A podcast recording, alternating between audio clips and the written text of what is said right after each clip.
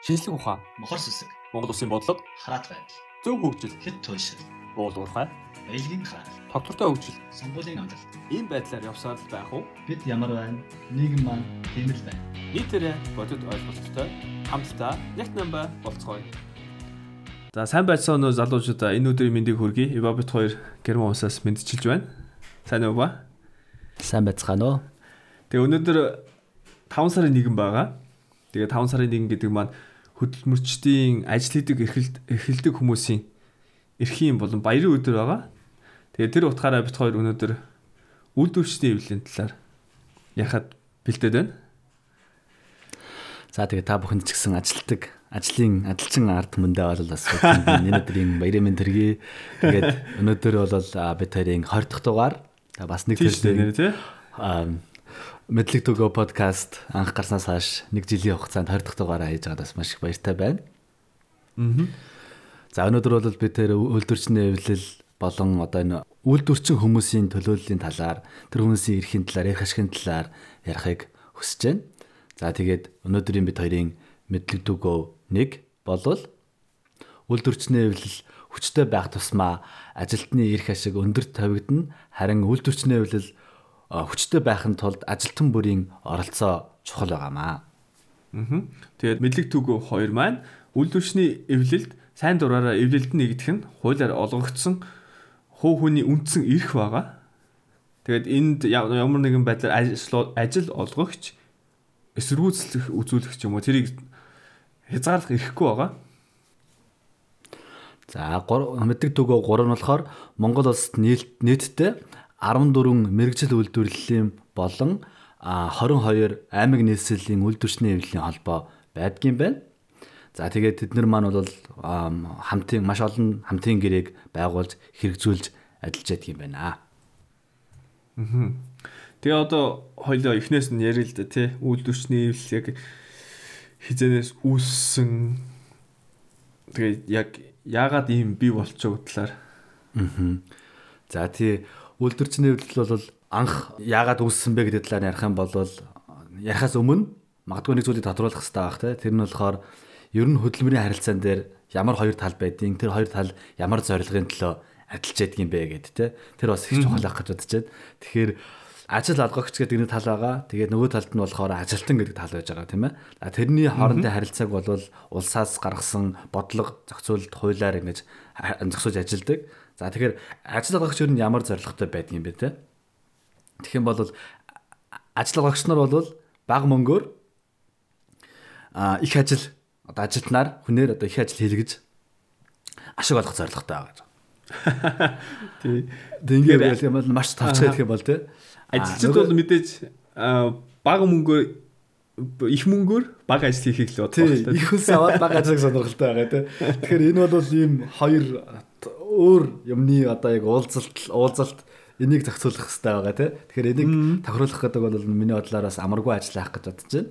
Аа. Тийм бах нэрэ тий. А улс болохоор мэдээж хэрэг тэр хоёр хоорондоо зохицоод ажиллаа хийгээд дундаас нь өртөг үүсээд тэгээд улс татвар авах сонирхолтой байгаа байхгүй. Аа. Тий. Тийм шүү нэрэ. Окей. Тэгвэл чи ерөнхийдөө үйлдвэрчний эвлэл одоо энэ хувьсгал одоо энэ ажилчид бөөнөр нэгдэж байсан хизэнээс үүсэн талаар хальт яриач хөө. Аа. За тэгэхээр бол 5 сарын нэгэн болоод ажилчдын одоо нэг баярын өдөр тий ажилчдын баярын өдөр ажлын юу амралтын өдөр байдаг. Европт ч гэсэн амралтын өдөр байдаг. Германд ч гэсэн баярын өдөр. Энэ удаа хараа хагасаа өдөр таарсан. Тэгээд дээрээс нь жоохон онцгой юм боллоо тий. Харин.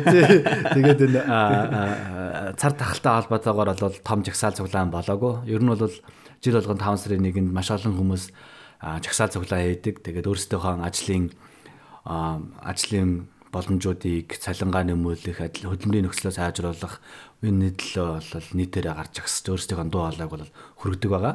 Аа.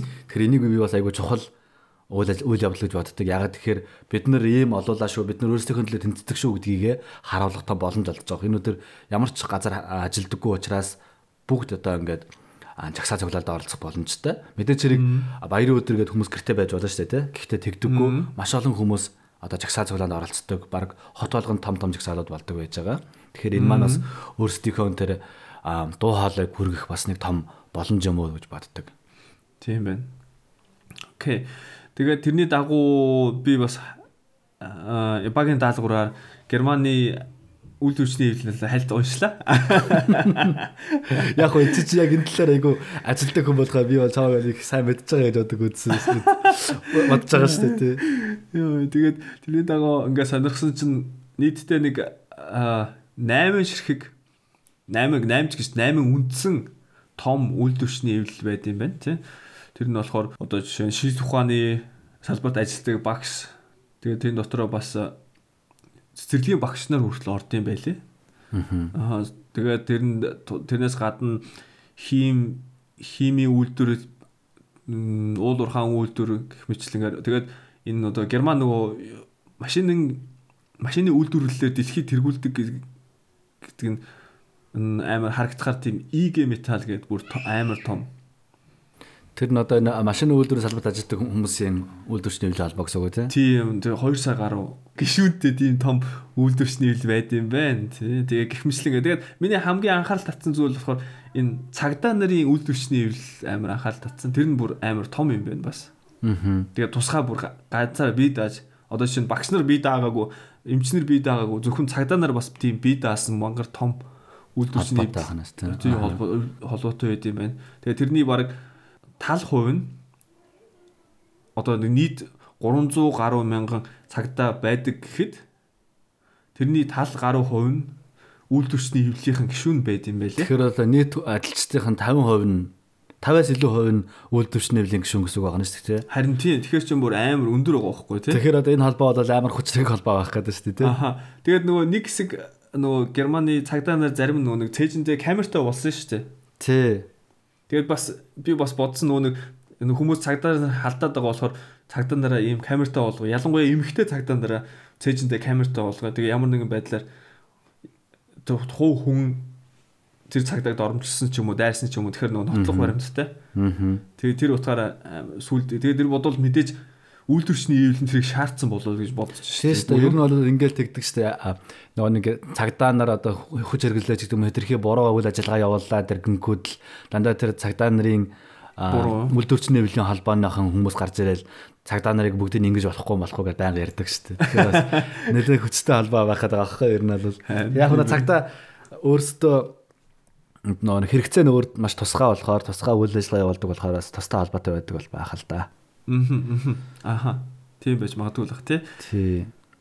Магадгүй хойлоо нөгөө Германы уул уурхайн чиглэлийн үйлдвэрчний үйл дээр жоохон тогтоод яриул. Эсвэл чиний мэрэгжлийн талаар бас илүү бас үйлдвэрчний үйл рүү. Окей. За тэгвэл төмөр замын холбогдлолтой ч юм уу тий. Одоо энэ ялангуяа энэ энэ дид бүтцтэй холбоотой юуны талаар ярил л да. Тэр нь бол бас нэлээд том ганц бас би даасан герман даяар холбоо юм байлаа. Тэгээд нэлээд олон хүнтэй. Тэгээд тэр нь ганц нэг төмөр зам гэлтгүү автобусны жолооч нар одоо метроны жолооч нар гэх мэтлэнгээр энэ дид бүтцийн бүх үйлдвэрт хараадаг бүх хүмүүс байдаг. Тэгээд тэр нь бүх юугаараа бүс нутгаараа ингээ хуваагдцсан. Одоо манайхаар бол баг аймаг аймаг болгондоо нэг нэг салбартай бүр. Тэгээ гişүүдтэй тэгээд үйлдвүүдээр одоо жишээ нь үйлдвэрчний ивлэл бас үйлдвэрлэлийн зөвлөл. Аа. Тэгээ тэрнээс гадна одоо бусад жижиг жижиг тийм холбоо молбод ингээд дотроо ингээд салцсан байдаг юм байлээ л дээ. Аха. Яг уу нөгөө нэг GDL гэдэг арай тустай л да тэр нь болохоор бас дид бүтцийн холбогдлоо. Гэхдээ тэр нь зөвхөн галт тэрэг барьдаг машин машинистуудын холбоо. Тэр тэгээд ер нь бол хамгийн хүчтэй хамгийн тийм юу гэх юм те байнга л босдог гаргаж идэг хүмүүс байхгүй. Амар идэвхтэй холбоо ахын тий. Тий, эсдэгтэй холбоо бодвол нөгөө нэг хүнд нөхцөлд тэгээд нэр чинь нөгөө нэг галт тэрэг чинь ихэнхдээ бас зөндөө газар доогоор бачир түнээд доотор явж муудаг ч юм уу тий. Ингээд солигдож молигддаг шүн шүн орой ажилдаг. Юутай ээж мэждэг гэсэн утгаараа бас жоохон арай илүү нэмэгдэл авахыг шаарддаг тиймэрхүү асуудал үүссэн юм байлаа. Тэгээд тэрнээс болоод ганц хоёр буслаг муслаг гаргаад. Аа. Чи ер нь энэ ажилд ороход чинь танаа байгууллагын үйлдвэрчний эвлэлтэй үйлдвэрчний эвлэл үйл ажиллагаа явуулдаг гэдэг нэр нь чамд яаж мэдрэгдэжсэн бэ? Аа яг зүгээр сонссон болохоос мэдэхгүй. Гэхдээ автоматар нэрээ цалин нэмсэн байсан. Тэгсэн чи яасан бэ гэсэн чи тэр нөгөө нэг нөгөө машинистуудын бослогын үр дүнд тэдний цалин 2.1 хэдэн хувь байлаа нэмээд эсвэл эсвэл жилийн 6 нэмэлт амралтын өдөр авч болно гэсэн тийм хоёр сонголтыг болгосон. Тэгээд тэрэнд нь зөвхөн тэднийх биш концерн даяараа бүр бүх фирмийн бүх ажилчид тийм боломжийг өгсөн байлаа бүр цаанаас нь. Тэгэхээр тэд нар бол тэдний ачаар бас зүгээр мань мэд зүг зүгээр явж байгаад ингээд цалингаа нэмүүлэх ч юм уу те амралтай өдөр авах боломжтой болцсон байсан л лээ. Тэгэхээр яг анх удаага сонсож байгаа хүмүүст болохоор манай анхаа маань бол Германы том төмөр замын компанид ажилладаг байгаа. Тийм учраас бас маш олон ажилтнууд одоо Монголоор бол Монголын төмөр зам гэдэг компанид ажилладаг гэсэн үг. Тэгэхээр бол маш том компани. Тийм учраас үйлдвэрчний хэвлэл болон одоо тэр хамтын гэрээтэй тарифтай тийм газар ажилладаг байгаа. Тийм шүү. Тэгэхээр бол бас нэг хэсэгхэн хүмүүсийн ачаар те бас айгүй олон хүмүүс энэ бол цалингаа нэмэл хожиж яах гэсэн үг шүү дээ энэ бол. Аа харин тий харин тий. Тэгээд тэрний яагаад тэгж байгааг хоёулаа өчтөр нөө хуульчаас асуусан байгаа тий. Тий бид нар бас энэ талаар бас Германд ажилладаг хуульчгчаас жоох зөвлөгөө авсан байгаа. Аа. Тэгээд тэгсэн чинь тэрний яг гол зорилго нь болохоор хэрвээ зөвхөн тэр үйлдвэрчний эвлэлийн гишүүдийн цалин нэмэх юм бол бусад хүмүүс нь бүх үйлдвэрчний эвлэлийн гишүүн болоод Тэгээ баг байгууллагаараа үйлчлэгчний эвлэлийн гишүүн болоод бүгд бослог гаргах боломжтой гэсэн тийм аюулаас сэргийлсэн үйлдвэрлэлийн зөвлөлийн бодлого байсан гэсэн тий. Тий, тэр бас их сонирхол юм байлээ тий. Бас өөрөмцөл юм байлээ. Мм, харин тий. Хэрвээ ингээд одоо нэг хэсэгхэн зөвхөн тэр үйлдвэрчний эвлэлийн гишүүн хүмүүсийн цалин ингээд нэмчих юм бол тий нөгөөдөл нь гишүүн биш хүмүүс нь хараад бүгдээрээ тийшээгээ гişүн болж орох хэрэгтэй байна гэдэг бодол төрөөд ягаад гэх юм тэр хүмүүс салингаа нэмэлээд байгаа учраас хэрвээ тэгээд тэр үйлдвэрчний хувьд орсон хүмүүсийн тоо бүр олон болоод байх юм бол тэдний мэрх мэдэл нь бүр их болоод хүчрэг болоод ахаар бид нарт бүр энэс ч дараа нөлөөж магадгүй гэдэг утгаараа бүгдэнд нь цалингийн нэмжлэг гэж байгаа хэвээр амар хэвээр.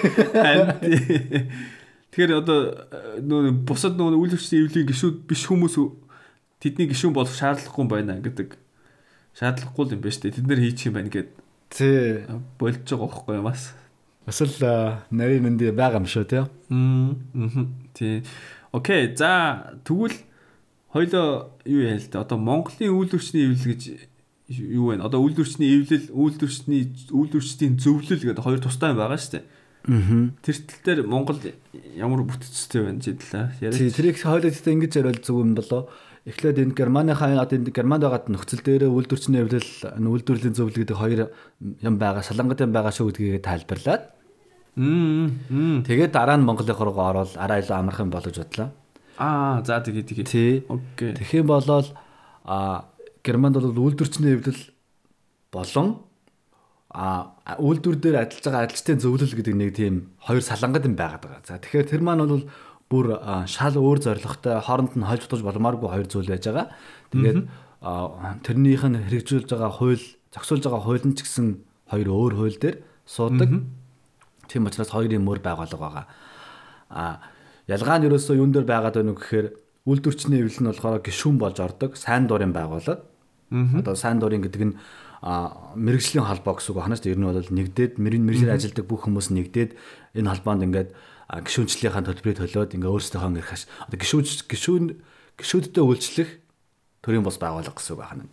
Тэгээд тэн дээр тодруулж хэлэхэд энэ заавал нэг компани ажилчид биш хаач хамаагүй одоо дорн говч дунд говч байна уу эсвэл хөвсгөлдөж байна уу яг л нэг нэг л мэрэгчлээ ажил мэрэгчлээ хүмүүс байх юм бол хоорондоо нийсэн тийм холбоо байгаа шүү тий. Тий яг зөв. Тэгэхээр бол бүгдээрээ хоорондоо нэгдэж болно гэсэн санаа хаана байгаагаас хамаарат хаана ажиллаж байгаас үл хамаарат нэг холбоонд байж болно гэсэн. А нөгөөх нь болохоор зөвхөн үйлдвэр дээр нэг одоо нэг компани дээр нэг байршил дээр байгаа одоо нэг үйлдвэр дээр нэг уурхай дээр байгаа ажилчдын нэгдсэн одоо зөвлөл хийж байгаа. Германд болохоор тэр нэр нь болохоор Betriebsrat гэдэг. Энэ болохоор ерөнхийдөө бол ер нь үйлдвэрлэлийн одоо тэр тухайн ажилчдын төлөөлөл зөвлөл гэсэн. Энэ нь болохоор а өөр хууль дээр суудаг. Тэр хууль нь болохоор хөдөл одоо энэ Германы хөдөлмөрийн тухайн хууль дээр шаардсан байдаг. Одоо ямарваа нэг ажиллагч ямарваа нэг том шийдвэр гаргах, эсвэл том захирал ажилд авах, халах эсвэл бүтцийн өөрчлөлт хийх, цомготхол хийх ч юм уу те. Эсвэл хөрөнгө оруулалт хийхдээ заавалчгүй ажилчдын төлөөллөөс а саналын аав нь тэр хүмүүст мэдэгдэх ёстой гэдэг энэ зарчим байж байгаа. А энэ хүмүүс маань зөвхөн тухайн үйлдвэр дээр л болж байгаа үйл явдалд оролцсон гэсэн үг. Тэрнээс гаднах юмд оролцохгүй. А өөр нэг тэр хүмүүсийг хийх боломжтой зүйлүүд нь болохоор хийх боломжтой зүйл нь болохоор хөдөлмөрийн хууль, хөдөлмөрийн аюулгүй байдал, эрүүл ахуйн тухай хууль ч юм уу те ийм хуулиудын хэрэгжилтийг а шаардах хэрэгтэй. Хэрэгжүүлэхгүй байх юм бол ажиллагч байгаа шүүхтэх боломжтой.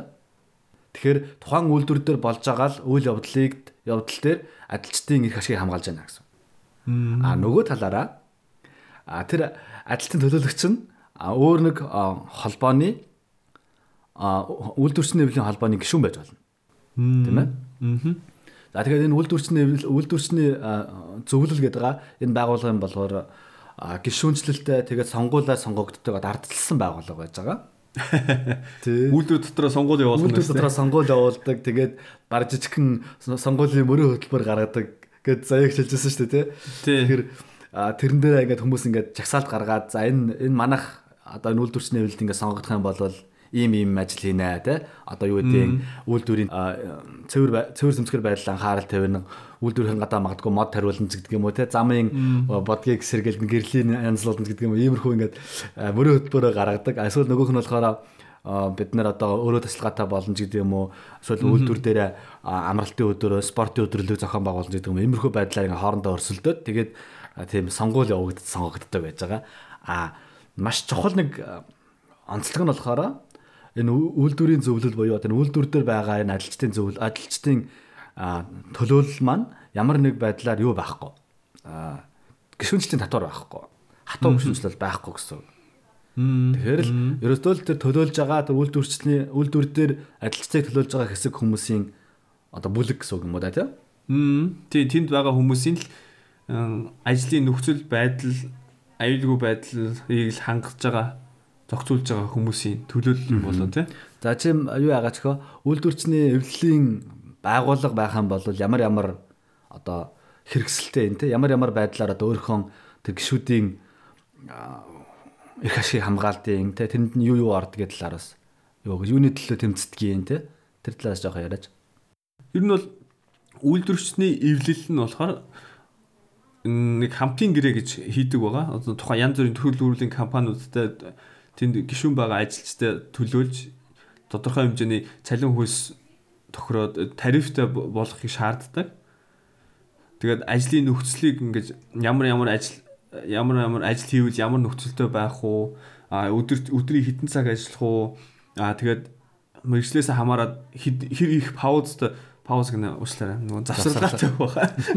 Хэр их завсарлагатай байх, хэр их удаан завсарлах ёстой вэ гэх мэтчлэнгээр төрөл бүрийн яг тухайн ажил ажил тухайн байгууллагт ажиллаж байгаа ажилчдын эрх ашгийг яг мэрэгжлийн төвшөнд мэрэгчлэлтэнд тааруулсан тийм тийм шийдвэрүүдийг эсвэл тийм юу лээ одоо хамтын гэрээгээр л одоо тарифаар л ингэж баталгаажуулаад байна л хуулийн дагуу тийм нөхцөл. Тэгээд тэр нь 2 жилд нэг удаа ч юм уу эсвэл 3 жилд нэг удаа байнга шинчлэгдэж идэг. Тодорхой хугацаа тавьдаг гэсэн үг байна шүү дээ тий. Тэгээд өчтөр хоёлыг мэдж авсан миний мэдж авсан хамгийн чухал юм нь болохоор үйлдвэрчний эвлэл одоо энэ тэнд хуулийн заалт өөрчлөгдөх юм улсын хэмжээнд эрх зүйн хэмжээнд юм өөрчлөгдөж байгаа тэрэнд оролцож тэрэн зөв өөрсдийнхөө санал бодлыг илэрхийлж мэрэгжлийн ажилчдын хүмүүсийнхээ санал бодол дуу хоолойг хүргэж тэрэн дээр заалтанд нь өөрчлөлт оруулах шаардлагыг тусгуулах хэрэгтэй байна шүү дээ. Тийм шаардах хэрэгтэй. Харин тэр нөгөө үйлдвэрлэлийн зөвлөлт нь тийм ирэхгүй байлаа тий. Тий, үйлдвэрний зөвлөл бол ерөнхийдөө тухайн үйлдвэр дээр болж байгаа үйл явдал батлагдсан хуулийн хэрэгжилтийг хангахаас хангахыг шаардахаас шинээр гарч байгаа хууль ч юм уу эсвэл цалин мөнгөний холбогдлолтой юм дээр бол эсвэл ажил хаялт хийх ч юм уу тийм эрх байхгүй. Зөвхөн тийм хуулиар алгагдсан эрхийн хүрээнд төл ажиллагаа явуулдаг тийм байгууллага байж байгаа тийм. Харин тийм байлээ. Харин тэрийг олж мэдсэн шүү нэ за үйлдвэрчний хөвлөлт тэгээд одоо өөрийнхөө хүссэн тэр зорилгыг одоо хэрэгжүүлэхийн тулд ямар ямар одоо нэг арга хэрэгсэл ашиглах боломжтой байдаг ер нь л хамгийн эцсийн арга нь болохоор ажил хаялт тийм Тэгээ би уншлаад бас энд ажил хаях хэр амархан юм бэ яах юм бэ. Уншсан чинь бас нэг амар өвшин байна зүгээр ингээд ажил хайчдгүй юм байна. Тэгээд эхний ээлжин тэр үйлдвэрчний эвлэл нь тухайн үйлдвэртэйгээ эсвэл тэр тухайн байгууллагатай эхлээд э, хамтын гэрээ өөрчлөх юм уу тэн дээр ямар нэгэн заалтын одоо нэмэлт өөрчлөлт хийх талаар саналаа тавьд юм байна. Аа. Одоо хитэн чи би энийг тэгмээр байна, энийг тэгмээр, энийг тэгмээр ингээд өөрчлөн өшин Одоо шүдийн жишээлх юм бол саналаа- бид нар одоо цалингаа 5%-аар нэмүүлмээр байна гэдэг санал тавих нь шүү дээ тий. Мм ягаад гэвэл одоо инфляц үс- үсээд үсээд а- ойрын 5 10 жил ерөөсө цалин нэмэгдээгүй. Бусад гадрууд цалин нэмэгдээд ингээд ингээд таарад тохируулаад нийгэм эдийн засгтайгаа тохируулж А явуулсан чинь үндслээ бас гаргах хэрэгтэй байна шүү тэгэхээр тий. тий үндэслэлтэй тухайн үндэслэлтэй байгаад ингээд тухайн ингээд өргөдлөө өгдөг юм байна. А тухайн байгууллага нь ингээд ха- тэрийг хараад ерөнхийдөө ингээд хараад оо энэ бол яг үндэслэл мөн үү биш үү гэдгийг хуулийн дагуу яг үнэхээр зөвшөөрөл зөвшөөрөгдөхгүй юу гэдгийг хараад тэгээд хилцээр хийгээд тэгээд тэр хилцээр ч гэсэн уулзалт хийж байгаа юм байна. Жишээ нь өнгөрсөн сая манайхан бас нэг тэр манай нөгөө нэг механикчд бас сая коронавигоос болоод бахан юу яагаад байлээ. Бослог гаргаад лээ. Бослог гаргаж гиснэ бас нэг тийм 6 цаг хуралдсан байлээ. Одоо төм- төмөр замд эдгийн төмөр Хилцээр хийсэн гэсэн үг бол хуралд ер нь хилцээр хийх ерөнхийдөө шатнд явуух гэж гэх юм уу? Нөгөө би ингүүл хийх хүсэж чинь ингэхийг хүсэж чинь ягаад гэвэл ийм тийм гэд нөгөө хоёр талаас 3 4 хүний төлөөлөлтөө тэгээд тэр төлөөлөл болгон өөрсдөө гэсэн хуульчтайгаа бас орж байгаа байхгүй? Тэгээд ингээд мэтгэлцэж байгаа байхгүй 6 цаг мэтгэлцсэн гэсэн. Хөвчлээ. Тэгээд энэ ерөнхийдөө ингээд хоёр удаа мэтгэлцээд гурав дахь дээр нь хэрэг болохгүй байх юм бол аль аль тал нь зөвшөөрөхгүй ингээд эсэргүүцлээ илэрхийлээд байхад байх юм бол гурав дахь дээр нь гурав дахь жигтгэдийг оруулдаг. Тийм зуулах тавал гэсэн үг үү тий. Тийм зуушл нэгсэндээ одоо энэ төмөр зам дээр жишээ авах юм бол тэр одоо механикчдын нэг төлөөллийн хідэн хүмүүс төмөр замын компани нэг компанийн Ажил олгогч талаас тийм, ажил олгогч талаас тэгээд дахиад дээр нэмээд гурав дахь итгээд тэгээд тэр нь болохоор бас нэг хуулийн хуулийн тал уус миний бодлоор энэ уусаас л гэж ойлгож. Яг бол уус чинь мэдээж их ажил явуулж татвар авахыг бодсон шүү дээ тий. Тэгээд хэрвээ энэ бүтэхгүй байх юм бол нөгөө юу яадаг юм бэ лээ? Үйлдвэрчний эвлэл шүүхэд өгөөд. Окей бид нар одоо ингээд ажил хаймаар байна. Яг бол энэ тухайн үйлдвэр байгууллага нь бидний эрх ашгийг авч хэлцэхгүй байна гэдэг. Тэгээ шүүхэд өгөөд шүүх тэрийг бичсэн өргөдлийг хараад хуулийн дагуу үнэхээр тийм байна уугүй юу гэдэг ихний шатаар ингээд шалгаад ингээд за тэгвэл та нар ажил хайж болно ч юм уу тэгж шийдвэрийг гаргаж өг- өгсөний дараа л за за. тэрний дараа ажил хаях хэрэгтэй байлээ. За заатас нэг одоо э, дүгнэх юм бол эхлээд нөгөө ямар юм хийх гэж байгаа юу хүсэж байгаагаа саналаа тавих нь шүү дээ тий. За тэгээд дараа нь 3 удаа хэлцээр орсон байх хэвээр. Тий. Тэгээд тэр 3 удаа хэлцээр амжилтгүй болоод одоо хангалттай биш байна гэж үзэх юм бол тэр хүслээ хүсэлтэд шүүхт гаргах юм уу тий? Тий шүүхэд өгөөд бид нар одоо ингээд их ашиг хамгаалж ажил хаймаар байна гэж байлээ. Аха. За тэгэхээр шүүхт тэр нь окей болж байна гэх юм бол ажлын хэрэг нь үүсэх юм уу тий? Аха. Тэгээд бас ажил хаялт нь бас 2 3 янз юм байлээ. Анхааруулах. Одоо бид нар ажил ер нь утга уцаагаар ажил хайж чадна шүү те. Бид нар их ашиг хамгаалж байгаа гэдэг тийм одоо нэг анхааруулах маягаар нэг нэг өдөр ч юм уу те. Аа. ажил хайдаг ч юм уу те. Гэт тэгээд дараа нь ингээд дараа нь нөгөө ажил олгогчдын зүгээс ямар нэгэн илэрхий юм илэрхийлэх ч юм уу тэднээс ямар нэгэн дохио мөхөө байхгүй бол илүү 7 хоног 2 7 хоногор ч юм ажил хайдаг ч юм уу те. Аха. Тэгдэм байлээ. Аа. Тэгээд ингээд ингээд шат шаттай явд юм байлээ. За. За одоо нэг чухал асуулт байгаа шүү дээ. Одоо нөө нэг ажил хаяхаар ажил олгочод яадгүй гэхээр тэгвэл та нарын цалингийн чинь тавихгүй гэдэг юм уу те? Хм аа тийм байлээ. те. Цалингийн а, нэм өгөхгүй ч гэдэг юм уу тийм юм гарч ирдэг баг. Энэ дээр нь яаж зохицуулт юм бол тэрийг Харин юу бол хуулиараа бол ажил олгогч нь хэрвээ тухайн хүн ажил хайж байгаа юм бол цалингийн өг- өгөхгүй юм байлаа. Угаасаа тэр хүн чинь ажил хийж гэрээнийхаа дагуу ажил хийсний дагуу мөнгө авах юм чи. Тэгэхээр нэгсэндөө ажил хайсан өдрүүдийн болохоор чөлөөтэй чөлөө авсан өдөргээд тэгээ сарын цалингаас нь ажиллаагүй өдрийнх нь тоогоор нь тоо- цагийн тооцоо хасаад хасч зүгээр хасчихдээ юм байлаа тий. Аа тэгээд одоо үйлдвэрчний эвлэлээс ингээд шийдвэр гаргасан байгаа шүү дээ. Одоо бид нар ажил хайж болно. Ажил хаях ажил нөгөө гişүүдтэй ингээд санал болгоод одоо санал гэжтэй ингээд заавар өгөөд ажил уриалга гаргаад уриалга өгөөд тэгэх юм бол хэрвээ тухайн үйлдвэрийн ажилчин байгууллагын ажил ажил хаях юм бол тухайн байгууллага нь түүнийг халах эрхгүй. Ягаад гэвэл хуулийн дагуу ажил хайж байгаа учраас Аа. А тэгэхгүй нөгөө нэг үйлдвэрчдийн эвлэл нь ажил хайж болно, ажлаа хаяа гэж хилээгүй тохиолдол ажил хаях юм бол харин тухайн үйлдвэр байгууллага нь ажилчнаа халах хэрэгтэй юм байлээ.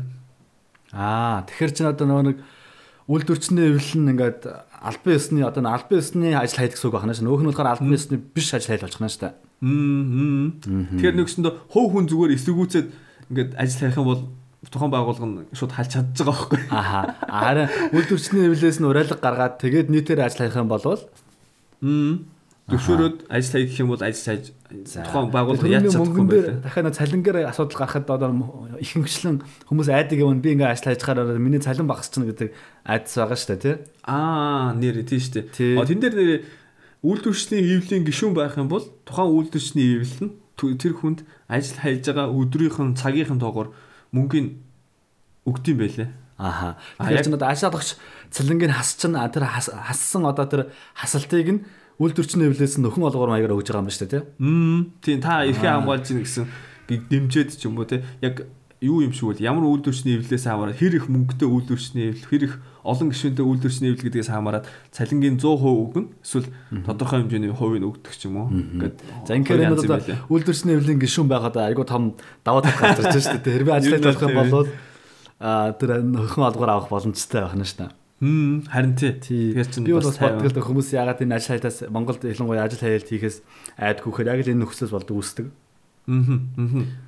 Цалин багс нь би чинь нөө амьдрах хэвээр ар гэртээ зээлтэй ч үгүй юм уу ар гэрээ Аха. дэжих хэвээр гэдэг тэр нөгөө нэг айдас байдаг. Тийм учраас бас ажил хайлт цаа оролцож чаддгүй юм болоо гэж боддог. Гэхдээ бид тэр ажил хайлтанд уриалж байгаа юм бол биш шүү. Гэхдээ энэ бол нөгөө нэг өөрсдөө их ашигын төлөө явхад аль хүртэл явж болох вэ болохгүй вэ гэдэг талаар ярьж байгаа шүү тий. Тэрийг бас ороо ойлгох хаа тий. Маларсан тий. Тий. Бид хоёроос болоод хүн ажилтгүй бол бас асуудал үүснэ шүү. Окей. Окей. За. Тэрнээс гадна бас нөгөө нэг ажил үйлдвэрчний эвлэлүүд нөгөө хууль гаргах янз бүрийн юм өөрчлөгдөхэд дандаа үйлдвэрчний эвлэлүүдээс санал авдаг байж байгаа тий. Аа. Тэрэн дээр өөрсдөө аль биесаар саналаа өгөх хэрэгтэй. Я баг ёстой байх тий. Холбогдох хуулинд орж байгаа бүх хүмүүсээс санал аваад тэрэн дээр ингээд саналын тусгахыг зорддог гэж байгаа. Тэгэхээр заавал тусгах хэрэгтэй бол биш. А гэхдээ тусгахыг одоо хичээдэг гэж а, ариун заягч маань бол ярьсан байгаа. Ариун заягч маань болохоор энэ Германы хөдөлмөрийн яамд хуульч мэрэгчлэр ажилладаг хүн байж байгаа. Тэгэхээр энд бол энэ хөдөлмөрийн хуулийн чиглэлээр нэлээд нарийн мэрэгсэн учраас бас нарийн ширийн яамдаар бид тэрдээс их гой гой а, мэдээлэлүүдийг өгсөн байгаа. Аа. Тэгээд дашин жилхэд дараагийн удаа манай зочноор орох байгаа тий. Тий бид тэр тэгээд бас энэ удаа ятгах чадсан байгаа. Тэгээд дараагийн удаа бол энэ хөдөлмөрийн хуулиар өмнө хийсэн дугаар дээр үргэлжлэл болгоод хөдөлмөрийн хуулийн талаар хөдөлмөрийн хуулийн одоо яаж Зохицуул- батлагддггүй зохицуулт ийм юмнууд нь ямар байдгүй талаар яг мэрэгжлийн хүнтэй ярилцахаар болсон. Тэгэхээр удахгүй ариун заягчи орсон шин дугаар бас та бүхэнд хүрэх байх. Тэр нь бас тэр нь бас сайн бэлдээрээ та бүхэнд асуулт авах бол бид тэр төргүүлээрээ. Амар дундуур нас газ жоох юм явлаа шүү дээ. Тэглээ шүү дээ. Окей. За тэгвэл иймэрхүү энд бол нэг иймэрхүү явд юм байна. Тэгвэл хоёлоо Монгол ямар байдгийг одоо чи тийм мэдэл байна уу? Би бол яг Монголд байхдаа бол яг үннийг хэлэхэд бол яг хөдөлмөрийн үйлдвэрийн үйлдвэрлэл үйлдвэрчний эвлийн талаар сайн үннийг мэддэггүй байсан. Харин цагаан байшингийн бол айгүй сайн мэднэ. Ордны баруун талд байдаг тий. Тэрийг харж байснаас бол дотор нь айгүй болж байгаа. Дотор нь доотлолт нь айгүй их янз бүрийн одоо жижигхэн хэвлэлийн каноны газар нотрат ч юм уу те коника гэдэг баахан байгууллагууд доогоор нь байдаг болохоос яг бүр тэр үлдэрсний хэвлэлийн дотор нь яг юу гэдгийг нь бол ерөөсөө мэддэггүй байсан. А сургууль байхад ч гэсэн их сургууль байхад ч гэсэн энэ талаар бол энэ бол харьцангуй бага мэдээлэлтэй байсан. Харин герман дэрсний дараа бол сургууль дээр энэ үйлдвэрчний хэвлэлийн талаар а сурталчилгаа хийдэг шинээр ирж байгаа оюутнуудад үйлдвэрчний хэвлэл дэлсээрээ гээд юу өгдөг те? Ийм зүйл тараадаг бас мэдээлэл их тараад ирсэн. Тэгээ ингэж ер нь баг үйлдвэрчний хэвлэл гэдэг эмиг ер нь бол нэлээ илүү тусгаж авч байсан. За тэгвэл би бас үйлдвэрчний хэвлэлийн талаар бас интернет өөрхөн боломжоор жоохон судаллаа. Бас интернет жоохон мэдээ янз бүрийн юм жоохон харлаа. За тэгсэн чинь бол бас бодож яснаас нэлээд өргөн хэмжээр үйл ажиллагаа явуулд юм байна. Төрөө хэлсэнчлэн мэдлэгдүгөө а, хоёр дээр хэлсэн нэг дээр хэлсэнчлэн Монголд бол бас Монголын үйлдвэрчний хэвлэлийн нэгдсэн холбоо гэдэг хамгийн том холбооны вебсайтн дээр бол нийтдээ 200-аас 230 мянган идэвхтэй ажилдаг гишүүнтэй гэж байгаа шүү дээ. За тэгээд а, 20 21 аймаг нийслэлд салбартай. Аха. Тэгээд мэрэгжлийн 14 мэрэгжлийн тийм холбоотой байна гэсэн. Тэгэхээр энэ бол Германи дата мэрэгжил болгоныг тусгасан тийм мэрэгжлийн холбоотой үйлдвэрчний нэвлийн холбоотой байна гэсэн үг шүү дээ. Тэгэхээр энэ бол баг тоо биш гэж бодож байна би. Тэрнээс гадна бас нэг анхаарал татсан зүйл нь болохоор а 40 40 гаруй хувь нь бол 35-аас доош насны залуу хүмүүс байна гэж байгаа. Энэ бол бас хэрвээ яг энэ одоо бодиттой тоо болвол бас бол их эрэг гэж бодож байна. Яг тэгэхээр маш олон залуу хүмүүс өөрсдийнхөө эрх ашигын төлөө тэнцэж ин үйлдвэрчний нэвлийн байгууллагад гишүүн болж орсон байна гэсэн. Тий. Тийм байна. А өөр нэг тодорхой биш байгаа зүйл нь болохоор а айгүй тийм одоо тэр вебсайтн дээр байгаа мэдээллүүд нь хүртэл айгүй тийм дээр үеийн одоо социализм үеийн өнгө аястай тий тэрний ностальгитэй тийм байсан тэр нь болохоор надад а нэг өөр нэг эерэг би сэтгэл төрөө сэрэг сэтгэл төрөөс ягаад тэгэхээр тэр үед бол үйлдвэрчний нэвлэл бол өөрийнхөө үйлдвэрчний нэвлэгдэх сонгодог утгаараа ажилдаггүй байсан үе те. Тэгэхээр тэрнээсээ ингэж маш тодорхой одоо те бид нар бол тэр үеийн үйлдвэрчний нэвлэл бишээ гэдэг тийм төр зургийг бол надад бол шууд эхний юугаар бол харуулж чадахгүй байна гэж би бол дүгнж байгаа. Бараг л үйлдвэрлэл үйлдвэрчний үйлдвэрлэлийн үйлдвэрчдийн зөвлөл байна гэж харагдчихна гэж. Ер нь бол тий тэгэхээр нэг тухайн үеийн ухуулаг тэр үеийн социализм үеийн тэр үеийн тэр өнгө аясаасаа бүрэн одоо бид нар тэнтэй ямар ч хамаа авахгүй шүү бид нар бол шинжлэгдсэн бид нар шинэ хүмүүс бидний зорилго бол ийм ингээд нэг тийм тийм өнгө аясыг ингээд шууд харуулахгүй байна гэсэн. Энэ тийм одоо юунууд бол маш тодорхой ихний нүүрэн дээрээ тэгдэг дээ. Бид нар бол зөвхөн адалчдын эрх шинжилгээ тэнцэнэ гэдэг тийм зургийг хүмүүст харуулж яадаг. Одоо энэ үйлдвэрчний нэвлийн байгууллагын анх байгуулагдсан зорилго чинь тэр дээ, тийм ээ.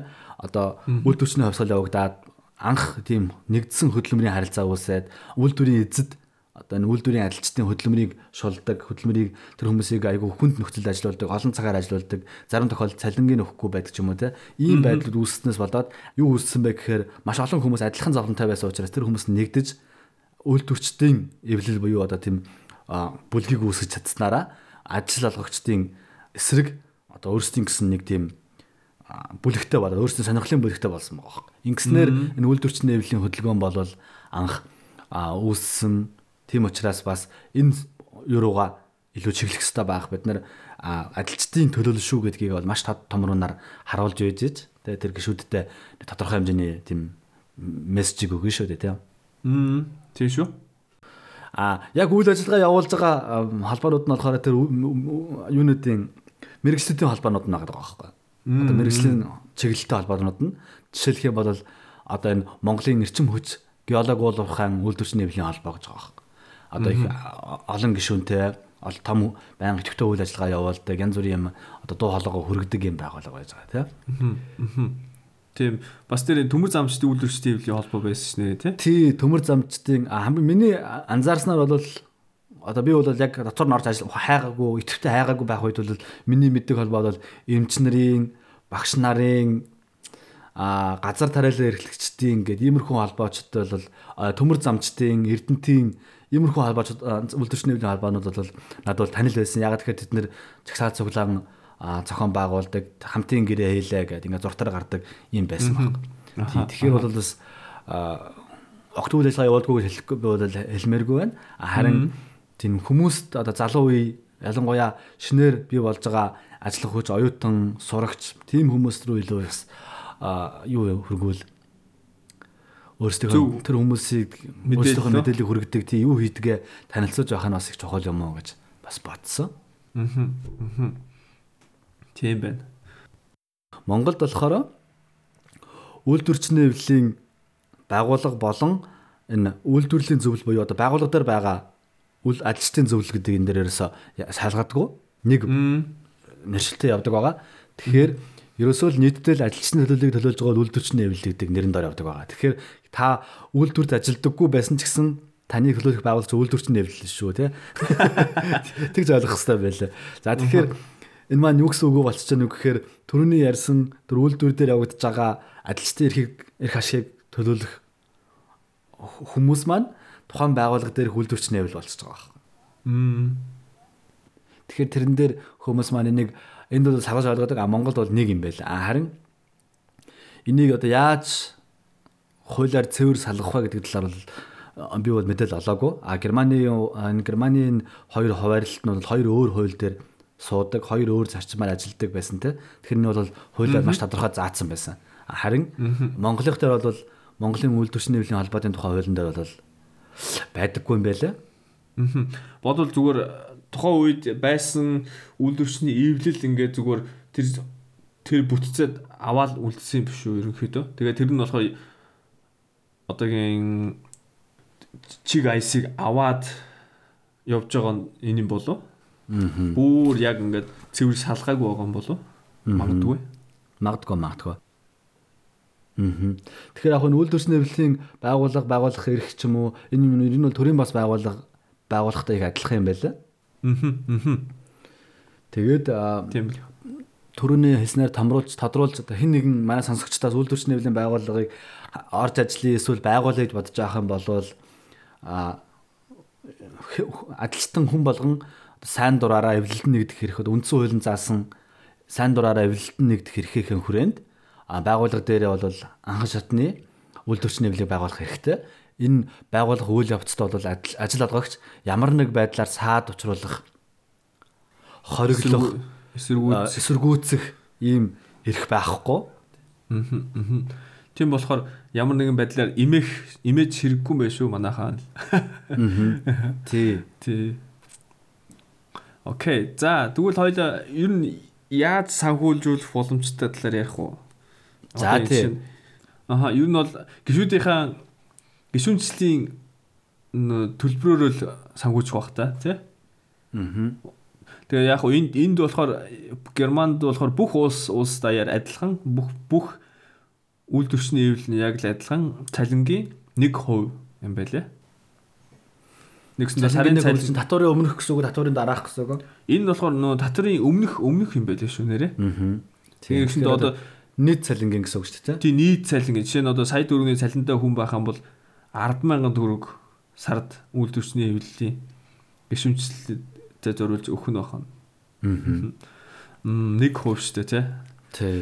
Нэг хувь гэдэг чинь яг хуу гайгүй юм биш үү? Хамгийн гол нь тэнд гişүн байснараа амар их олон эрхийг эдэлж байгаа болохоор тэр нь бас хэрэгтэй болоо гэсэн бас итгэл төрсөн.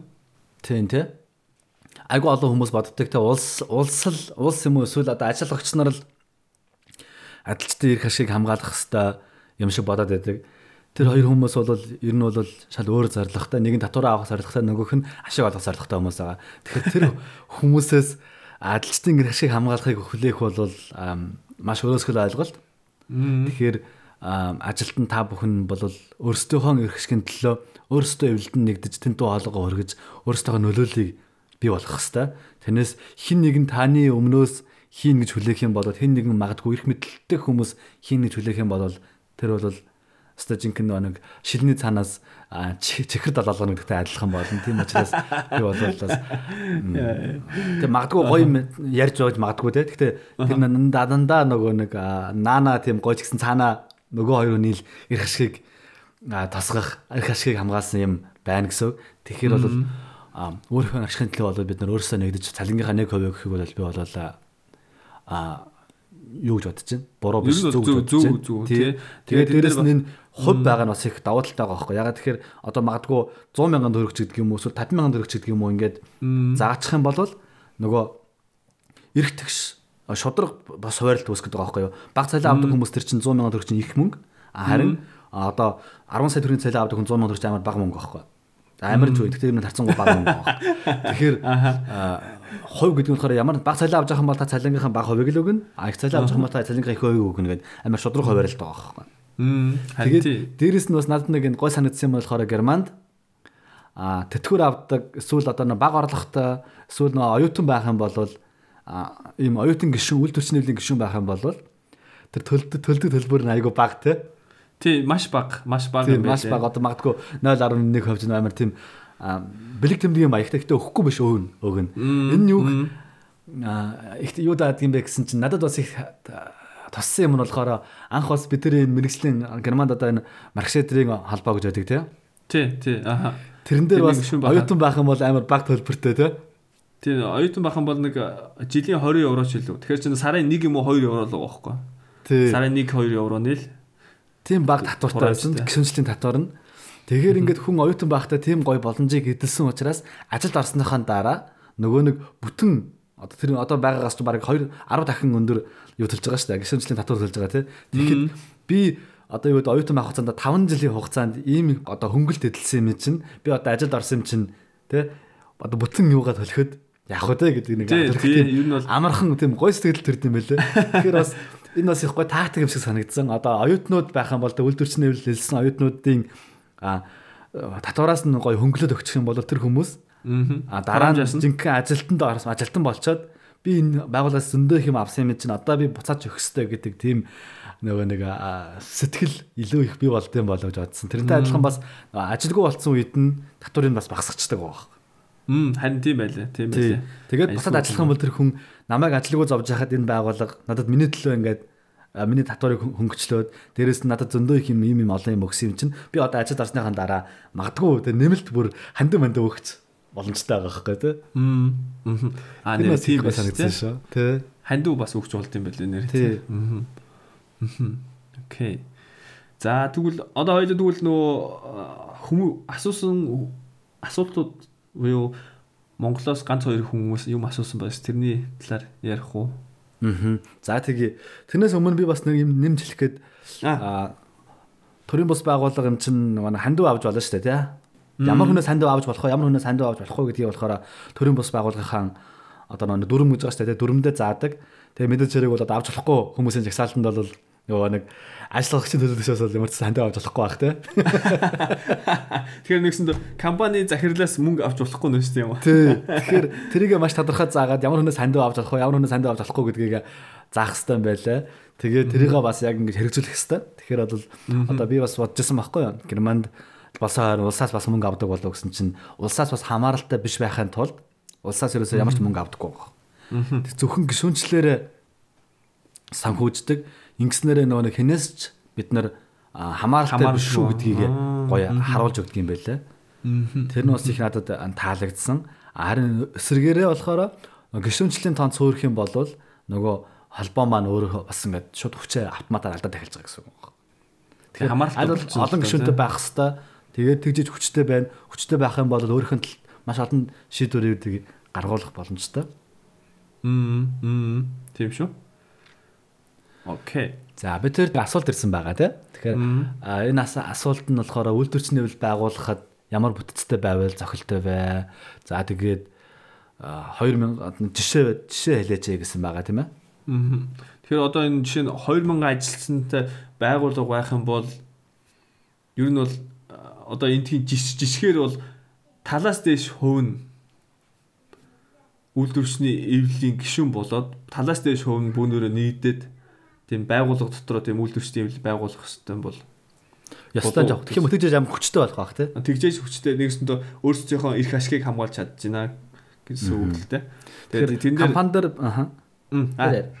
Компани дээр үйлдвэрчний нэвэл байгуулж байгаа бол нэг анхан шатны үйлдвэрчний нэвэл болох нь шүү дээ. Тэгэхээр нөгөөх нь бараг нөгөө түрүүний герман дээр ярьсан тухайн байгууллага дээр ажилчдынхаа эрх ашигыг хамгаалдаг байгууллага болох байх. Энэ бүтцээр бас нэг юм нэмж хэлэх хэрэгтэй болоод бодлоо. Сүүлдээ жоохон юу холилдох шиг боллоо. Тэгэхээр үйлдвэрчний нэвлийн хуулийн дээр болохоор байгууллага дээр анхан шатны үйлдвэрчний нэвлэл гэж байж болно. Сум дүүрэг хороон дээр байж болно, аймаг дээр байж болно. Тэгээ улсын хэмжээнд байж болно гэж байгаа. А Эсвэл байгууллага дээр анхан шатныхан үйлдвэрчний нэвлэлээс мэрэгжлийн дагуу одоо уурхай дээр байх юм бол уурхайчдын үйлдвэрчний нэвлэлгээд улсын хэмжээний том нэгдсэн байгууллагада гишүүн болж ор- болж орно гэж ор- орж болно гэж байгаа. Тэгэхээр одоо юу гэдэг Эрдэнэбаатар гэдэг компани 2000 ажилтнтай. Тэгээд тэн дээр а, үйлдвэрчний нэвлэл байгуулад одоо 1000 гишүүнтэй үйлдвэрчний нэвлэл байх юм бол анхан шатны үйлдвэрчний нэвлэл. Харин би манай компани уулуурхай үйл ажиллагаа явуулдаг байх юм бол төрөний дээр хэлсэн эрчим хүч уулуурхаан а, үйлдвэрчний нэвлэлийн холбоонд гишүүн болж байгууллагынхаа байгууллагын холбоогоор гишүүн болж болж орж болж байгаа. Мм. Мм. Тэгэхээр Тийм шүү. нэг талдаа байгууллага дээр өөрсдийнхөө ажилчдынхаа эрх ашигыг хамгаалуулчин а нөгөө тал руу болохоор дээдлийн холбоогоор дамжуулаад нэгдсэн улсын хэмжээнд өөрсдийнхөө хүмүүс үзэл бодлыг хүргэх боломжтой байна. Тэгээ нөө бодлогын бодлогын хэмжээнд үзэл бодлоо хүргэх эрхийг Тий. олгогдож байгаа тий. Аа. За өөр нэг асуудал болохоор бас нэг юм байгаа шүү дээ. Хэрвээ а би одоо Эрдэнэбаатар гэдэг компани үйлдвэрчний хэвлэл авах юм бол ажилт нь одоо тэр үйлдвэрчнийхээ хэвлэлдээ одоо цалингийнхаа нэг хувийг татвар болоод төлөх нь дээ. Мм. Одоо гишүүн бол орсон хүмүүс нь. Мм. А харин нөгөө холбоо нь өөр холбооны гишүүн болчиход яах вэ? Тэнд бас тамгитлах юм уу? Хоёр удаа нэг хөв төлөх юм уу гэдэг асуудал гарч ирээд байгаа. Чи тэрийг Аа гүү гүү тийм биш юм байлээ. Тийм биш юм байлээ шүү нэрэ тий. Шинэ одоо би одоо Эрдэнэбаатар компани үйлдвэрчний хэвлэлийн холбооны гишүүн байлаа гэж бодоход цалингийнхаа нэг хувийг өгнө. Аа тэгээд манай байгууллага дээр байгаа үйлдвэрчний хэвлэлийн холбоо цуглуулсан мөнгөний тодорхой хэмжээний мөнгийг тэр улсын том үйлдвэрчний хэвлэлд бас өгж байгаа. Тэгжээж ингэж хамааралтай нэгсэндөө тэднэрт тэдний гишүүнслийн эрхээ аваад Бас тэгэхээр энгийн гишүүн хүн бол анх хоёр гэдэг гишүүн бол нэг л удаа гишүүнчлэлийн төлбөрөөр төлөх нь шүү дээ Тий, тий. ер нь бол тий. Нэг л удаа гişүнчлийн хэлбэг төлбөрөө төлөөл. Тэгээд тэр манай үйлдвэрчний эвлэл нь болохоор улсын үйлдвэрчний том хамгийн том үйлдвэрчний эвлэлийн доотлын салбар гишүүн байгууллага болоод гишүүн холбоо болоод ороод тэгээд хамтарч ажиллаж байгаа. За. Өөр нэг асуудал болохоор IG металл гэдэг Германы одоо энэ хүнд үйлдвэрөө тий IG металлч одоо хүнд Ерөнхийдөө үйлдвэрийн салбарын Тийм. үйлдвэрчний нэвлийн холбоо байгаа. Энэний талаар бас яаж ажилтгийг нь жоохон танилцуулаач гэсэн. Чи тэн дээр хэлэх зүйл байна. Оо тэн дээр одоо яг хэлэх юм бол нэг байхгүй юм яг бусад үйлдвэрчний эвлэлийн бүтцтэй адилхан. Бас дот- дотроо салбар салбар тий жишээ нь дотроо эн чинь металл элект элект электроник тэгээд ган үйлдвэрлэх холбогдлолтой тэгээд энэ дотор чинь бас хувцсны үйлдвэр хувцс хувцс мод боловсруулах тэгээд хуванцар хэмжлэнгээр бус ялангуяа бүр мэдээллийн технологийн салбарын хүмүүс ажилчид хүртэл бас энэ нэг гişүү юм байт юм байлээ. Аа. Тэгэхээр тэр болгон дотроо нэг жижигхэн жижигхэн тэр одоо хоёулын сая саяны ярьдаг чиг үйлдвэр дээр байгаа жижигхэн үйлдвэрлэгчний эвлэл ба шүү дээ. Тэдний бүгдрийнх нь нийлүүлээд Аа. тэгээ энэ салбарт ажиллаж байгаа хүмүүсийн эрх ашигыг хамгаалж тухайн э, том том байгууллагуудтай нөгөө нэг гэрээ нөгөө нэг цалингийн доод хэмжээ. хамтын гэрээ хийгээд хэр их цалин олохгүй хэр их амралт авах хэр их завсарлагын цагтай байх хэвээр гэх мэтлэнгээр ямар ямар өдрүүдэд амрах хэвээр эсвэл нэмэгдэл шүний нэмэгдэл хэд байх хэвээр хэд байх хэрэгтэй ч юм уу тий. Тэгээ хэрвээ хүчтэй үйлдвэрчний эвлэл байх юм бол мэдээж одоо жишээ нь жилийн нийт улсын улсаас өгсөн доод хэмжээ нь 20 гэж явах юм бол тухайн үйлдвэрчний эвлэл нь манайх хүнд металл ч юм уу энэ ер нь бол нөх хүнд нөхцөл ажилтдаг учраас бидний амралтын тоо 30 байх хэрэгтэй гэдэг шаардлага тавьж гэх юм уу тий. Аа. Тэгээд бүр тэр салбарынхаа ажилчдын эрхийг хамгаалж тийм үйл ажиллагаа явуул явуулж байгаа юм байлаа. За. Тэгэхээр хамтын гэрээг бол бүтэн салбарын хэмжээнд байгуулж болно. Эсвэл салбар дотроо бас нарийн Хувааж. салбаруудын хэмжээнд бас хийж болох нь шүү дээ, тий. Тэгэхээр хамтын гэрээн дээр олон төрлийн хэлбэр байж болно. Хамтын гэрээ Монголд бүр юу гэж байгууллага дотор хүртэл болж болд юм байлаа шүү дээ. Одоо нөгөө нэг түрүүний ярьсан байгууллага дээр байгаа үйлдвэрчний хэвлэл байгууллагатайгаа хамтын гэрээ хийд юм байлаа бас. Аа. Тэгэхээр хамтын гэрээ бол болохоор э, ерөнхий нэр нь хөдөлмөрийн гэрээтэй адилхан. Тэгэхээр бол маш олон төрлийн хамтын гэрээ байж болно. Монголд бол хүмүүс айгүй олон сонссон байх хамтын гэрээг бол нөгөө нэг гурван талт гэрээ гэж их ярьдаг. Тэр нь болохоор ажиллагч, үйлдвэрчний эвлэл, тэгээд улс гэдэг тийм гурван талаас дандаа гурван талт гэрээ гэдэг юм хийдэг. А Германд бол арай өөр юм бэлээ. Ариун зай хичээл хэлснээр бол улс ажиллагч болон ажилт үйлдвэрчний эвлэл хоёрын асуудалд аль болох оролцохыг аль болох а, өөрсдөө өөрийгөө бол хойш нь татдаг аль болох оролцохгүй байхыг хичээдэг. Аха. Тийм зарчмаар ажилт юм байлаа. Тэгэхээр Монголд бол арай өөр зарчмаар ажилдаг гурван талт гэдэг нөө зарчмаар ажилт юм байлаа. Тэгээд бас нөө энэ бодвол нөө юг харуулж яана л да. Нөө хөдөлмөрийн хууль нь хэр сайн, хэр чанга, чанга бүх юм боловсруулсан байна гэдгээс хамаарат тиймэрхүү нөл шаардлага байгаа гэж харагдаад шүү дээ. Ямар сандал энд нөгөө нэг хамтын гэрээ одоо тариф тогтоох тийм хууль гэдээ байж ах үү те. Тэр хуулийн дээр болохоор аль талд нь ямар эрхтэй аль талд нь ямар үүрэгтэй гэдгийг бүр ингээд тодорхой заасан байдаг. Уг нь бол тэр тариф чинь үйлдвэрчний эвлэл энэ үйлдвэр тухайн ажил олгож байгаа байгууллагатай хамт ингэж жоохон ярилцаж тэмцэж байгаа ч юм уу тий. Тэгэхээр одоо өөр миний бодлоор тэр тариф тарифын тухай одоо тариф тогтоох тэр хамтын гэрээ байгуулах хуулийн дээр одоо нөгөө нэг яавал ажил хаях уу те ямар ямар дараалтаа явах уу гэдгийг нь тэн дээр заагаад өгсөн байгаа байхгүй. Тий. Тэгэхээр аль аль талд нь одоо нэг тоглоомынхын дүрмийг уус гаргаад өгсөн байгаа байхгүй. Тэгээд өөрөөсөө учраа алдцгаа. Очроо. Харин тий. Зарчмаар явдаг байлаа. Тэр нь бас надад их сонирхолтой санагдсан. Аха. Тодорхой хэмжээний ингээд хуулийнхын тоглоомын дүрмийг гараад өгчих юм бол тэгээ та нарын дүрмээрээ өөрсдөө тоглолцоо гэдэг тийм зарчим байгаа. Бас их сонирхолтой санагдсан бас. Тэгээ гол нь та нар аж аж юм юм- юм нэг юм бүтээгээ татвараад үлдчих те. Тэгэл тэгээ өөрсдөө уучраа оруулаад. Яванда тийх бол тийм болох баха тий. Гэж найдаж штэ. А тэгэхээр магадгүй бид нөгөө нэг үйлдвэрчний хөвлийн холбоо бол тэр цалин одоо ажилчдын нийт цалин нэмүүлэх одоо тэр хөдөлмөрийн хөлсний доод хэмжээг маш өндөр түвшинд өндөр болгох ийм ажлаа одоо бүр миний хувьд бол 10 жилээр хоцрогдуулсан явж байгаа байхгүй. Тэгэхээр одоо хөдөлмөрийн хөлсний доод хэмжээ юм байх хэвээр цалингийн доод хэмжээ юм байх хэвээр гэдэг юм уу те. Ийм юмыг аль зуур эртнээс хийгээд бүр хийж болохгүй бол бүр улс даяараа ажил хаяад ч юм уу ингээд энийг бүр яатсан байх хэвээр байтал одоо тэр нийгмийн даатгалын шимтгэлийг нэмэгдүүлж болохгүй гэдэг дээр ингээд амар том акцент явуулж байгаага оронд уг нь бол тэр хөдөлмөрийн хөлсний тим юм дээр ингээд суур юмнууд дээр гол юмнууд дээр хандж явах хэвээр баймаар байгаа юм. Аха. Чи тэгээд надад тайлбарлаж хэлсэн шүү дээ. Би бол анх бол мдэггүй байсан. Тэр нөгөө 36% гэдээсэн. Тэр чинь болохоор яг бүр ажил олгогчийн 36% биш. Зүгээр нийлээд ажил ажил олгож байгаа компани нийгмийн даатгалын шимтгэлийг төлж байгаа хувь. Тэгээ надаас авж байгаа нийгмийн даатгалын шимтгэлийн хувь хоёр нийлүүлээд 36 гээд тэгээ трийг аваачаад биднээс авч гин ажилчдаас авч гин гэж буруу ярьж ухуулаад ингэж хүмүүсийн тархийг угаагаад байгаа юм бэлээ гэж Харин тэр над тэр бас амар харамссан гэсэн үйлдвэрчний хөвлийн байгууллаас нь гаргаж байгаа тэр юунууд дээр мэдээллүүд дээр те таны цалингаас те 6 сарын 1-ээс эхлээд таны 36% чинь авна гэж тийм гарчигтай мэдээ гаргуулад байгаа бох. Тэгэхээр чин эргээ бодохоор чин хүн болгон шууд байгаа юу би чи өмнө 20% татвар төлдөг байсан чи яагаад энэ 36% болчихоо те. Тэгээ шууд нөгөө нэг ингээд хүнийг одоо юу гэдгийг а буруу юм руу залж байгаа байхгүй тэр чинь яг татвар татвар нь уншингууд болохоор ингээд нэг юм тодорхой биш юм байдлаар тайлбарлагдсан гэхдээ буруу биш байгаа байхгүй.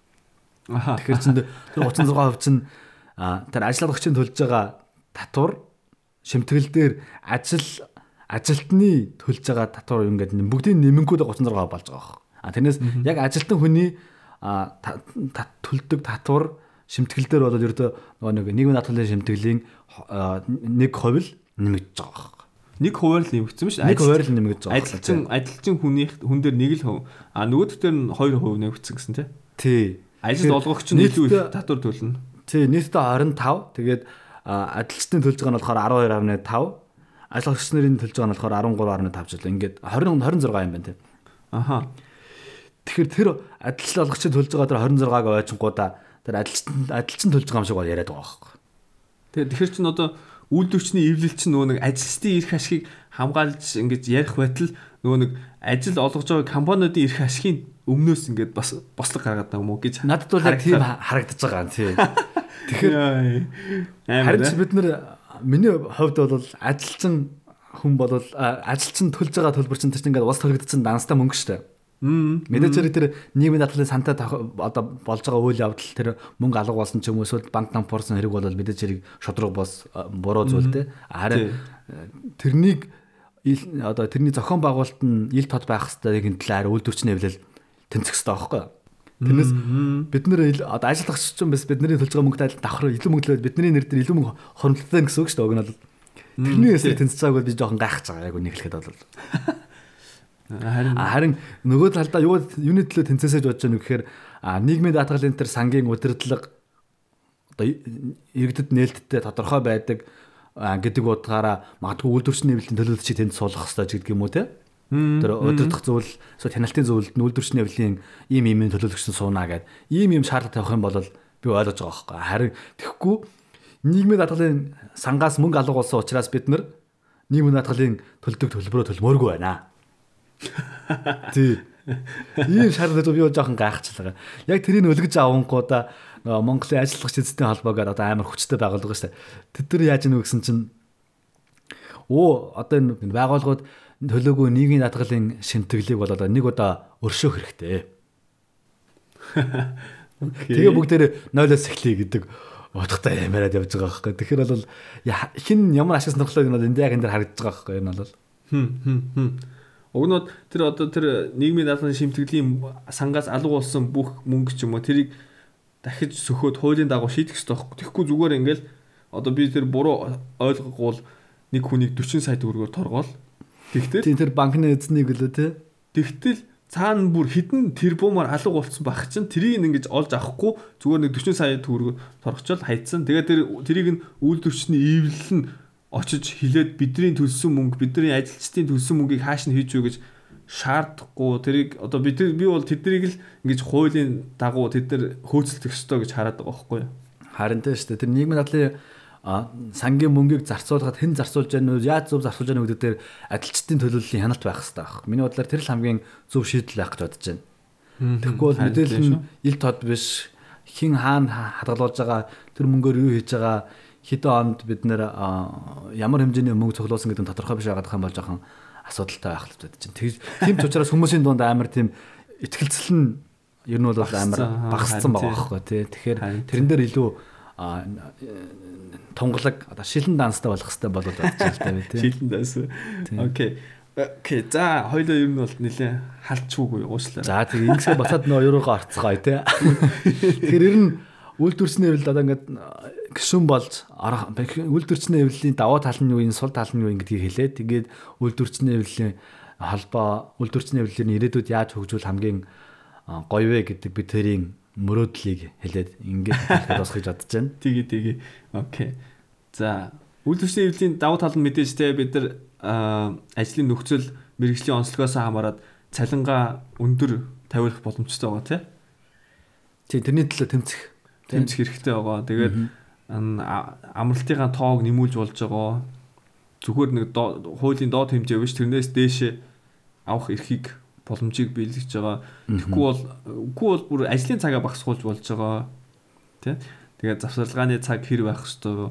Тэгээд урамшуул олгуур тэр урамшуул олгуур энэ ч болохоор одоо илүү цагаар ажилласан эсвэл баярын өдөр ажилласан гэдэг юм иймэрхүү зүйлүүд дээр аа нэг энд жишээлх юм бол ингэдэг штэ уурхаанууд ч надад жишээлх юм бол тасралтгүй ажилдаг тий Тэгэх юм бол 5 сарын нэгэнд одоо ажиллах ажиллаж байгаа хүмүүс дээ тий Аа. Тэр хүмүүсийн цалин 3 дахин нэмж өгдөг гэж байгаа байхгүй. Ягаад гэхээр 5 сарын 1 чинь 1-р баярын өдөр, 2-р ажилчдын баярын өдөр учраас тэр өдөр ажиллаж байгаа бол маш их мөнгө төлж байгаа байхгүй.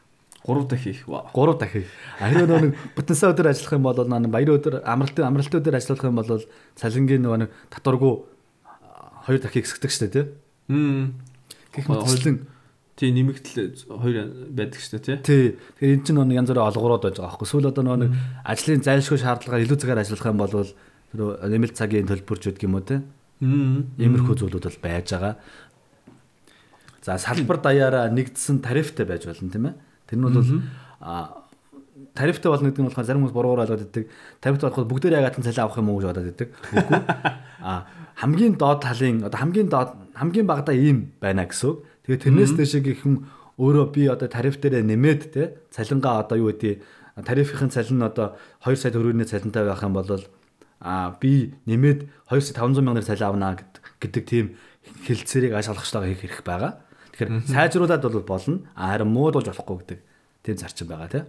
Тэгээ тэн дээр болохоор мэдээж хэдэн жил ажилтнууд хэр их мөнгө нэмэгдэх үү эсвэл бакалаврын дипломтой байвал би ийм цалин аавна эсвэл мастерын дипломтой байвал ийм цалин аавна гэх юм уу гэдээ бас тус бүрчлэн нөгөө нэг ямар ур чадвартай байна гэдгээс хамаарат нэмж болдог гэдэг тийм заалтууд байд юм байлаа. Тэгээд тэгээд тэр эхэлж байгаа хамгийн ажилд орохдоо хэдэн төгрөгийн ч юм уу цалинтай байх уу тэрний дараа хэд нэмэгдэх үү гэд гихмэгчлэн ингээд тэр заалтууд нь нэмээд орцсон. Бүр яг амар тийм үндсэн зарчмын хувьд ер нь зөв амар зөв юм шиг санагдсан. Аа. Тэ. Окей. За, тийм сул давуу талуудтай байгаа. А тэгээд тэн дээр бас нэр хамгийн том давуу тал нь хуулийн зөвлөгөө юм байл ш нэрэ тий. Тий. Ямар нэг байдлаар хөдөлмөрийн маргаа үүсэх юм бол а үйлдвэрчний хэвлэлээс хуулийн зөвлөгөө авч болдог. Одоо жишээлх юм бол таныг одоо хэн нэг ажилтныг ажиллагч нь шудраг бус байдлаар ажлаас халчих ч юм уу те. Тэгэх юм бол а үйлдвэрчний хэвлэлийн байгууллагын туршлага тэр бүх юмыг мэдж байгаа мэдээлэлд тулгуурлаад хуулийн зөвлөгөө авах юм бол одоо тэр ялах магадлал бол маш өндөр гэсэн үг байна шүү дээ. Тэгэхээр тэр бол бас амар том даваа тал. Мгм. Тийм үйлчлэж үзүүлэх ёстой байлаа шүү. Би Монголд бол үз- үзүүлж байгаа байх гэж бодож байна бас тий. Аа. Окей. За ингээд сул тал сул талд гэхээр бол ер нь бол цөөхөн бах тий. Тийм үү. Сул талд мэдээж энэ угаасаа гол зорилго нь адилчдын хэрхэн төлөө юм чинь те.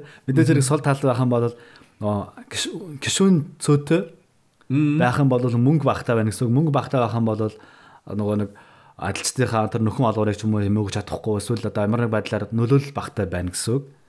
Аа тэгээ мэдээж хэрэг нөгөө нэг өрсөлдөж байгаа нөгөө тал нь ажиллагчтай эцсийн холбоо болохоор бол ер нь амар их мөнгөтэй амар том байгаад байгаа байхгүй. хүчтэй байдаг. Тийм учраас бол ийм хүч тэнцвэргүй тулааныг хүчтэй хүч тэнцвэртэй болгохын тулд бол адилчдын төлөөл буюу үйлдвэрчний хэвлэл бол олон гишүүнтэй их мөнгөтэй байж нөгөө нэг эсрэг өрсөлдөөнд бол араа нэг одоо өөрсдийнхөө хүсэл бодлыг нэвтрүүлэх даваа тал үүсэх бах. Тийм учраас бол гишүүдийн тооноос бол хамааралтай байдаг.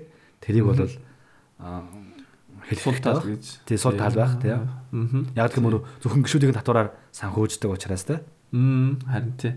Гүшүүдийн хураамжаар. уу? Тий хураамжаар тий. Аа.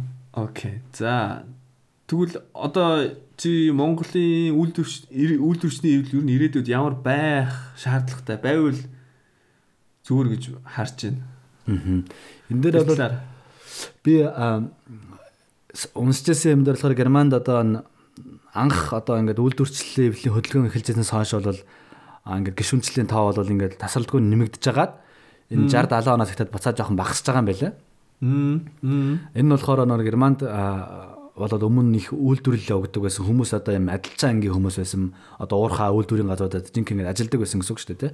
Мм. А тэгээд дараа нь энэ үйлдвэрийн юунууд нь ерөнхийдөө багасаад одоо ихэнх ажлын салбарынх нь болохоор ер нь оффист ажилдаг, арай хөнгөн ажил хийдэг болоод ирсэн чинь тэр ажлын а, гишүүдийн тоо бол дараа багассан юм байлээ. Яг тэр нэг яг үйлдвэрүүд нь гадаад руу нүгөө явцсан, гадаадад их үйлдвэрлэдэг болсон гэсэн үг шүү дээ. Мгм. Эсвэл нөгөө техник технологи хөгжөөд ихэнх ажлын хүнд ажлуудыг роботуудаар хийлгдэг болов Яг зөв тэр хүнд ажлууд бас багасцсан. А харин эсрэг Монголд ямар нөхцөл байдал үг гэхээр одоо бараг л худалч нь бол хамгийн анх удаа Монголд одоо яг чөлөөт тийм хөдөлмөрийн зах зээл бий болж байна. Тэгэхээр магадгүй одоо нөгөө нэг 1800 он болж исэн Европт болж исэн энэ үйл явдал Америкт болж исэн үйл явдлууд нөгөө нэг том том пүүс корпорат корпорацууд байгуулдаг үйлдвэрүүд ажилдаг тэгээд ажилчныг олноор нь ажилуулдаг ийм харилцаа одоо үүсч эхэлж байгаа байхгүй.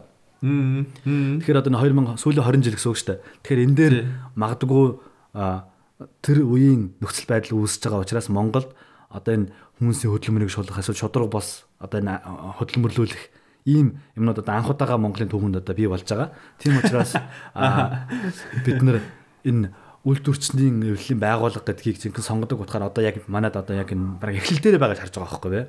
Тийм ч учраас хүмүүс сайн одоо энэ үйлдвэрчний үйл өөрхийн ашиг хаана хамгаалуулах вэ гэдэг тийм а, хэрэгцээнд хариулт олж чадахгүй байна. Тэгэхээр бол энэ хариулт нь бол үйлдвэрчний үеийн байгууллага хэлсэж өөрсдийнхөө дуу хоолойг энэ бодлого бодлого бодлого боловсруулж буй, хууль боловсруулж буй тэгээд энэ шийдвэр гаргаж байгаа хэмжээнд хүрэхийн тулд бид нар тэнд гишүүн болох хэрэгтэй. А тэрний эсрэгээрээ бид нар одоогийн байгаа гадаадд байгаа Америкт байгаа Европт байгаа үйлдвэрчний хөлүүдээс авах зүйл бол бид зэрэг байгаа. А гэхдээ одоогийн тэдний үйл ажиллагаа үйл- ажил явуулж байгаа үйл ажиллагаа нь болохоор а биднэрт хэрэгтэй байгаа үйл ажиллагааны чиглэл биш байгаа байхгүй. Мм.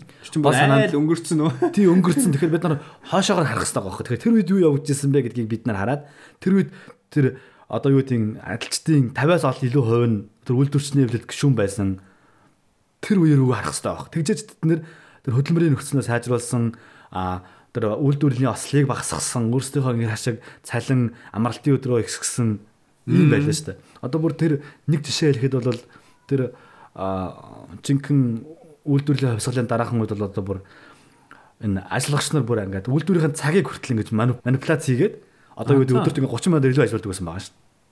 Хүмүүс цаггүй байсан тэр үед. Тэнгүүд нөө нэг тан дээр том цагаа ингээд албаар ингээд удаа явуулдаг. Тэгж хүмүүсийн хөдөлмөрийг хүртэл шолдог байсан байгаа шүү. Юу аим шин тий. Тий.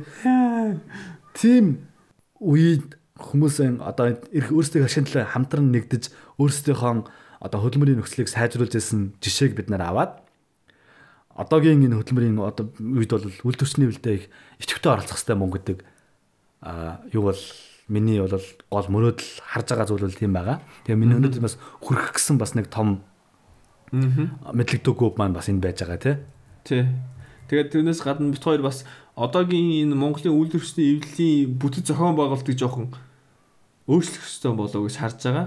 Яа магадгүй энэ тхих шиг хоёр салгах шаардлага байхгүй ч бас магадгүй л дээ. Яг тухайн манай одоо байгаа нийгэм улс төр аж ахуйг бүх зүйлийг хамаарад магадгүй энэ чигээр нь байлгая. Тэгтээ одоо энэ аймаг сумдын үйлдвэрчний эвлэл гэдгийг жоохон тодорхой болгох хэрэгтэй болоо тий яг мэрэгжлийн мэрэгсэн тийм салбар болох. Тэрнээс биш ямар ямар нэг намын штаб биш үү те.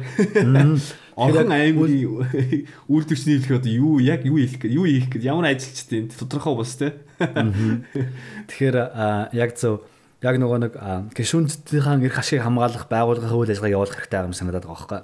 Тэгэхээр тэн дээр бас илүү сайжруулах хэрэгт хэрэгцээ байгаа юм болов уу гэж харж байгаа. Харин тий. Тэгээд ажилтан хүн болгон өөр өөртөөхөө эрх ашигын талаад өмнө ярьжсантай адилхан таны эрх ашигыг танаас өөр хэн ч хамгаалахгүй гэдэг зарчим дээр бодож үзээд өөрөөсөө үйлдвэрчний хэвлэлийн байгууллага тиймэрхүү юмда өөрөөсөө идэвхтэй байж ижил таны эрх ашиг хангагдана. Тэрнээс өөр хэн нэгэн таны төлөө бол санаа зовхгүй гэдгийг бол бодох хэрэгтэй байхаа гэж бодож байна. Окей. За тэгээд үүгээр бит хоёрын өнөөдрийн подкаст дуусах шиг байна. Тэгээд бид хоёрыг удаан сууж сонссонд баярлалаа. Та бүхэнд асуулт эсвэл бидний ярьсантай холбоотой одоо комент ч юм уу тийм байх юм бол бидэрд бичиж явуулаарай. Тэгээ бид тэр ирсэн өмнө бас битсэн хүм болгонд баярлалаа гэж хэлье. Тэгээд бид хоёрд өөрсдийнхөө санагдтыг хуваалцаж байгаад бас маш их баярлалаа. Тэгээд цаашдаа ч гэсэн хуваалцсаар байгаарай гэж хүсэж байна. Ингээд дараагийн дугаараар уулзлаа. Баяр та. Баяр та. Ийм байдлаар явсаар л байх уу? Бид ямар байна? Нийгэм маань тийм л байна. Нийтээрээ бодит ойлголттой хамтдаа нэг намба болцгоё.